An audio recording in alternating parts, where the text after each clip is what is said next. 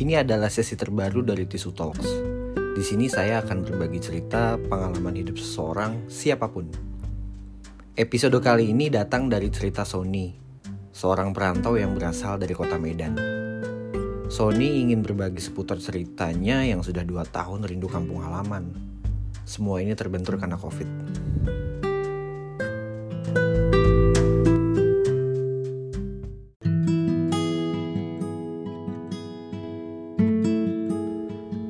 Hai Tisu Talks, perkenalkan saya Sony. Saya adalah anak bungsu dari tiga bersaudara. Saat ini saya berusia 21 tahun. Izinkan saya untuk berbagi cerita ini. Cerita ini dimulai dari awal 2020, di mana wabah ini datang. Wabah ini bernama COVID. Hmm. Saya adalah perantau yang datang dari kota Medan, akhir Desember 2019, saya nekat untuk memutuskan pergi merantau ke Jakarta.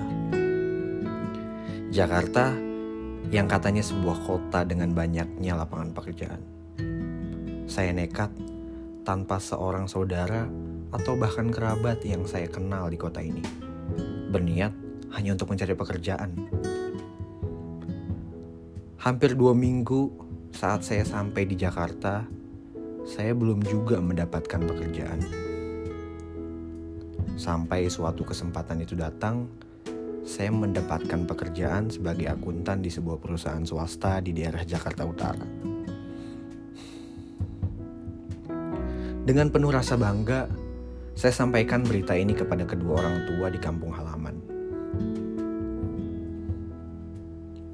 Hari demi hari, minggu demi minggu, Sampai bulan demi bulan saya menjadi karyawan yang bisa dibilang cukup teladan. Sampai akhirnya badai COVID datang di bulan Maret 2020. Ingat banget waktu itu saya hanya menganggap bahwa COVID ini ya paling hanya beberapa minggu atau bulan saja. Ternyata tidak.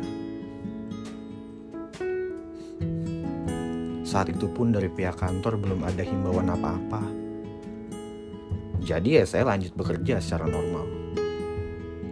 PPKM, PSBB, WFH, WFO, sampai beragam istilah ini muncul, sampai juga fase dari pihak kantor melarang kami sebagai pegawai untuk pulang kampung atau mudik.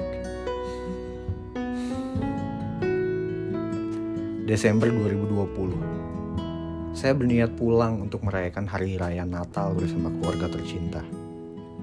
Tapi sayangnya hal itu cuma jadi angan-angan. Dan itu bukan cuma saya yang mengalami. Tapi semua karyawan kantor pun sama.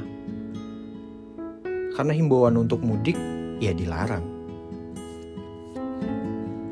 Alhasil, saat hari Natal itu tiba, saya hanya bisa bertegur sapa berbagi kebahagiaan melalui video call. Walau raga jauh, tapi setidaknya saya bahagia melihat keluarga sehat-sehat di kampung halaman. Akhirnya saya mulai membawa musibah ini sebagai hal yang biasa. Walau hati rindu kampung halaman, apalagi orang tua. Kerja, kerja, dan fokus kerja. Setidaknya selama setahun berikutnya saya fokus akan hal ini. Mengingat banyaknya angka pengangguran yang dirumahkan akibat COVID ini. Saya harus bersyukur saya masih mendapatkan pekerjaan.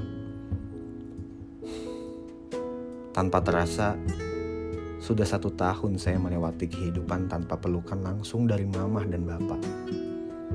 Tanpa terasa juga sudah satu tahun saya nggak merasakan masakan nasi goreng ikan teri khas mama. Serta cita rasa tuak buatan bapak yang biasa kami menikmati bersama di akhir pekan. Sampai pada akhirnya Desember 2021 kemarin. Itu jadi momen yang berharga buat saya. Dan juga melihat kondisi COVID yang sudah mulai membaik. Tanpa pikir panjang, saya izin ke kantor untuk pulang kampung. Menikmati momen Natal bersama keluarga. Tepat 22 Desember 2021, saya sampai di kampung halaman.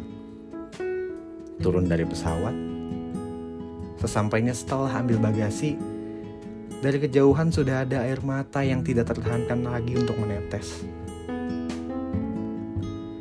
Mama, bapak, dan kedua kakak saya menjemput saya di bandara. Tanpa basa-basi, kami berpelukan erat serta air mata yang tidak dapat tertampung itu pun pecah. Mah, pa, Kak Desi kami, makasih sudah jemput. Makasih ya udah nunggu hampir 2 tahun saya nggak pulang. Buat saya, keluarga adalah segalanya.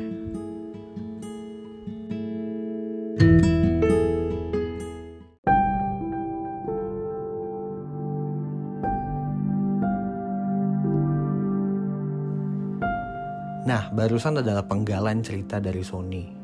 Terima kasih Sony cerita yang penuh rindu ini ya. Dari sini kita semua belajar bahwa sebesar apa pun kamu, sekaya apa pun kamu, ingat bahwa keluarga adalah nomor satu sampai kapan pun. Dulu ada pepatah yang saya ingat bahwa sejauh apa pun kamu pergi, setinggi apa pun kamu terbang, ingat bahwa rumah adalah tempat bersandar yang paling tepat. Sekian cerita episode kali ini. Sampai jumpa di TC Talks episode selanjutnya.